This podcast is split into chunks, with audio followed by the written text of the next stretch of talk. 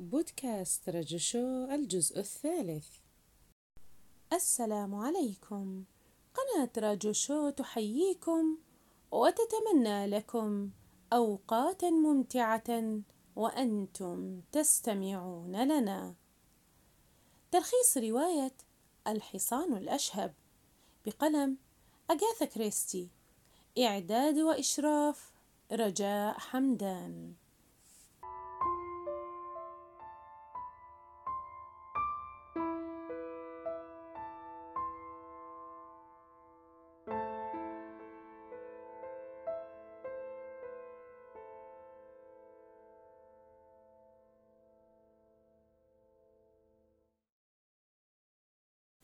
وصلنا إلى الحصان الأشهب وكان بعيدا عن شارع القرية ويوجد خلفه حديقة مسورة وهو مبنى نصف خشبي.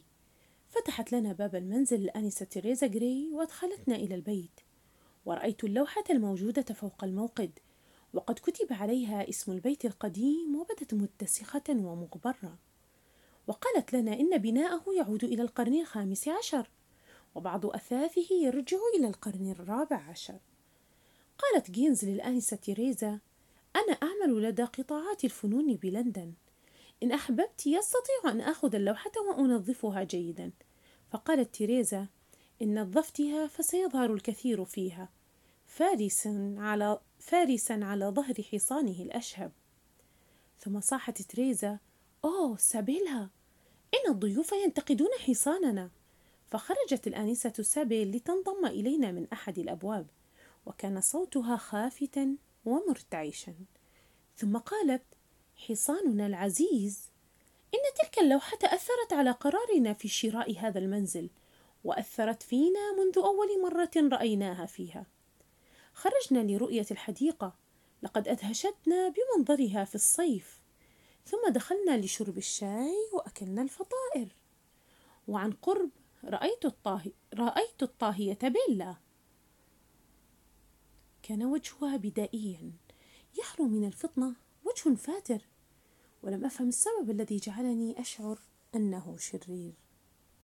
تحدثنا عن السحر وعن موهبة سابيلا منذ الطفولة حيث قالت لنا إنها كانت حساسة لوجودها في مكان ما ولسر ما.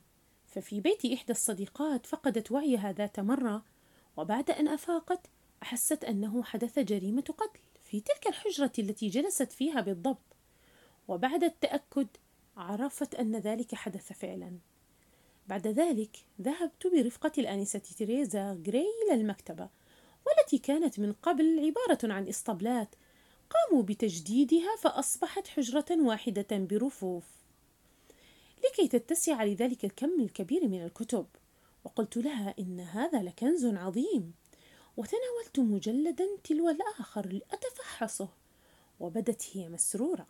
ثم قالت إنه لجميل أن يقدر أحدهم هذا الكنز. ثم تحدثنا عن السحر الأسود الموجود في الكتب فقالت إن سابيل وأنا وبيلا لدى كل واحدة منا قوها الخاصة كفريق وبدرجات مختلفة. وقالت لي إن الناس على مر الأزمان يذهبون إلى العراف أو الساحر. لماذا؟ لسببين فقط. الموت أو الحب.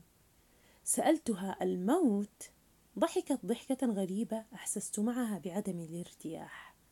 ثم قالت إن الناس قديما كانوا يستخدمون سم الزرنيخ الأبيض العادي لكن تطورنا في لكننا تطورنا في هذا الزمن كثيرا فلقد وسع العلم آفاقنا بالسموم التي لا يتم كشفها وهي معرفة طبيعة العقل ماذا يمكنه أن يفعل؟ وماذا من الممكن أن نجعله يعمل؟ فإنه لا حاجة لأن تقتل ضحيتك. كل ما عليك عمله هو أن تقول له كيف يموت. اعتقدت أنها تقصد أن نؤثر على المريض فنقوده إلى الانتحار لكنها قالت حتى تدمر عدوك حفز عنده رغبة الموت الموجودة في نفس كل واحد منا ثم قم بإيصالها إلى الذروة. يجب عليك أن تمارس قوة على نفسه اللاواعية وهكذا تمرض فعلا وتموت. فيحدث مرض حقيقي تسببه تلك النفس التي تبحث عن الموت. وعندها سألتها كيف تفعلين ذلك؟ قالت لا تطلب مني يا سيد مارك أن أكشف لك عن كل أسراري. إنه سري الخاص ولكن سأقول لك شيئا. تعتقد بالله بأنك جئت إلى هنا للعثور علينا. وهي نادرا ما تخطئ وأنا لدي فكرة. وبيلا لديها أيضا نفس الفكرة بأنك قد تحتاجنا. سألت لماذا أريد البحث عنكن؟ قالت تريزا جراي وهي تبتعد هذا ما لا أعلمه حتى الآن. ثم دخلت رودا من الباب وخلفها الجميع وقالت هنا إذا تعقدين جلسات تحضير الأرواح. أوه إنكم هنا لقد بحثنا عنكم في كل مكان. ضحكت تريزا وقالت الكل في القرية يعرفون عن عمل المرء أكثر مما يعرفه هو عن نفسه. إنك إذا مطلعة جيدا لدينا سمعة قوية في الشر كما سمعت. ولو كنا نعيش قبل مئة عام لتعرضنا للقتل حرقا فوق كومة حطب.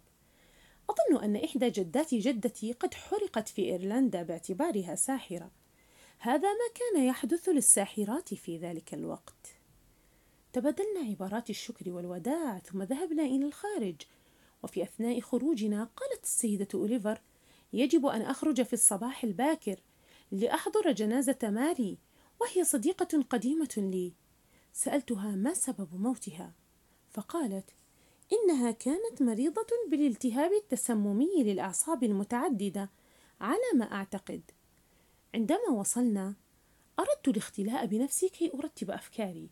أريد على الأقل أن أستوضح الأمر مع نفسي ما كل الذي أراه لقد بدأ الأمر كله بتلك الملاحظة التي أخبرتني بها بوبي وهي إذا أردت أن إذا أردت أن تتخلص من أي شخص فإن الحصان الأشهب هو المكان الذي يجب أن تقودك إليه قدماك.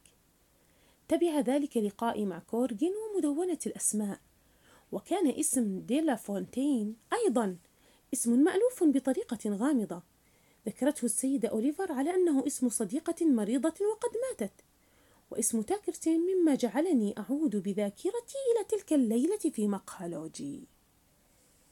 في اليوم التالي أرسل الصيدلي أوزبون مكتوبا إلى المفتش لوغين يقول له فيه إن الرجل الذي كان يتعب يتبع الأب غورمان ليلة موته قد رآه في المهرجان الذي قد حضرته أنا والسيدة أوليفر ويقطن في بيت يدعى برايروز كورت في ميتش دينغ وهو رجل ثري جدا.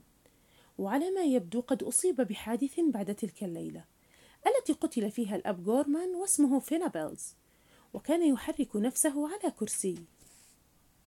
زار المفتش لوغين الصيدلاني أوزبون وقال له إن الشخص الذي رآه يتبع الأب غورمان لم يكن نفسه السيد فينابيلز لأنه مشلول منذ ثلاثة أعوام.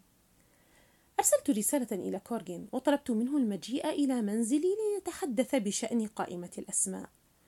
وعندما جاء أخبرته أن الحصان الأشهب موجود فعلا وهناك ثلاث ساحرات تقطن به وأن الآنسة جري تقول إنها تستطيع عن بعد أميال ولأشخاص لا تراهم أن تجعل فيهم أمراضا عادية تؤدي إلى الموت. مثل ما حدث مع الأشخاص الذين ماتوا في هذه المدونة من الأسماء. قال لي إنه لكلام تافه. فقلت له قد تكون أنت الضحية القادمة فاسمك مكتوب في القائمة لكن انتبه لنفسك جيدا. صرت أفكر وأفكر في هذه التفاصيل وانشغلت بها.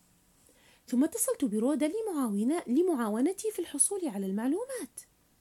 وسألتها عن جينز الفتاة ذات الشعر الأحمر والتي زارت معنا بيت الحصان الأشهب.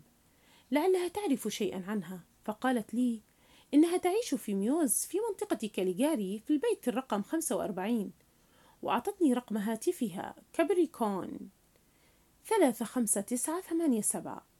وصدمت عندما قالت لي إن اسمها كاثرين كورجين ثم ذهبت ورأيتها وطلبت وطلبت منها معاونتي وأخبرتها القصة. وافقت على أن تعاونني فرتبت لقاء بيننا. حيث تناولنا العشاء في مطعم فانتازيا. سألتها عن المشكلة التي حصلت مع صديقتها بمقهى لوجي فقالت لي إن الشاب الذي صنعت مشكلة من أجله مع صديقتها هو بلايدون وهو شاب أحمق وأخبرتها تومي أنه أراد أموالها ولم يكن يحبها كما لم يكن بينهما مشكلة بل كانت حدة مزاج نسائية في وقتها. جعلت صديقتي هيرما تتصل ببوبي من أجل الحصول على تفاصيل أخرى عن الحصان الأشهب. فأعطتها العنوان الاسم برادلي والعنوان مباني ساحة البلدية ببرمنغهام 78 وذلك بعد أن تحججت أن لها قصة وقالت لها بأن لها صديقا أحبته لكنه متزوج من امرأة جعلت حياتها جحيمة وهي مقعدة. والأفضل أن تموت لكنها لن تموت قبل عدة سنوات. وعن عمة لها موعودة منها بإرث كبير وإن كان بإمكاني تجربة الحصان الأشهب. وسألت كم يحتاج من النقود؟ فقالت اذهبي إلى هذا العنوان للتحدث في تفاصيل الأمور معه أولا. وذهبت إلى العنوان وكانت مباني البلدية مكاتب وكان مكتبه رقم 78 ودخلت مكتب برادلي وكان محاميا غير مرخص أخبرني بالطريقة التي يعملون بها في الحصان الأشهب بعد أن ادعيت أنني أريد موت شخص يبتزني. قال لي إذا أردت الإقدام على هذا العمل يجب أن تفكر بالأمر على مهلك ولا تندفع. ذهبت لرؤية السيدة تاكرتين زوجة السيد تاكرتين. أما زوجته الأولى وهي أم تومي فقد توفيت منذ زمن وكانت أصغر منه بكثير والتي تعمل مضيفة في قاعة البريدج في فندق ساحلي. وعلمت من جينز أن السيد تاكرتين قد كتب في وصيته مبالغ محددة للخدم ومبلغا محترما لزوجته إلا أن المبلغ الذي أوصى لها فيه ليس بسخي. والبيت الذي يبلغ مئات الآلاف كتبه لابنته توميسانا وستحصل عليه عندما تبلغ السن الحادية والعشرين من عمرها. ولكنها إن توفيت غير متزوجة فإن البيت يعود إلى زوجته الحالية. وخيل إلي أن السيدة تاكرتين يمكن لها أن تقصد الحصان الأشهب لتتخلص من ابنة زوجها الغنية والتي سيتحول مالها إليها في حال موتها. ودعت السيدة تاكرتين وذهبت وبعد أن ابتعدت قليلا التفت إلى الوراء وقلت لا بد أنك تعلمين عن الحصان الأشهب. وعند سماعها لذلك بدت خائفة جدا وذعرت ثم قالت الحصان الأشهب؟ وماذا يعني هذا؟ بعد أن رأيت الرعب في عينيها طمأنتها قائلا إنه بيت قديم في قرية ميتش دين لقد سمعت اسمك هناك أو ربما كان اسم ابنة زوجك فإن له شهرة عظيمة. أخبرت جينز عن مقابلة الأخ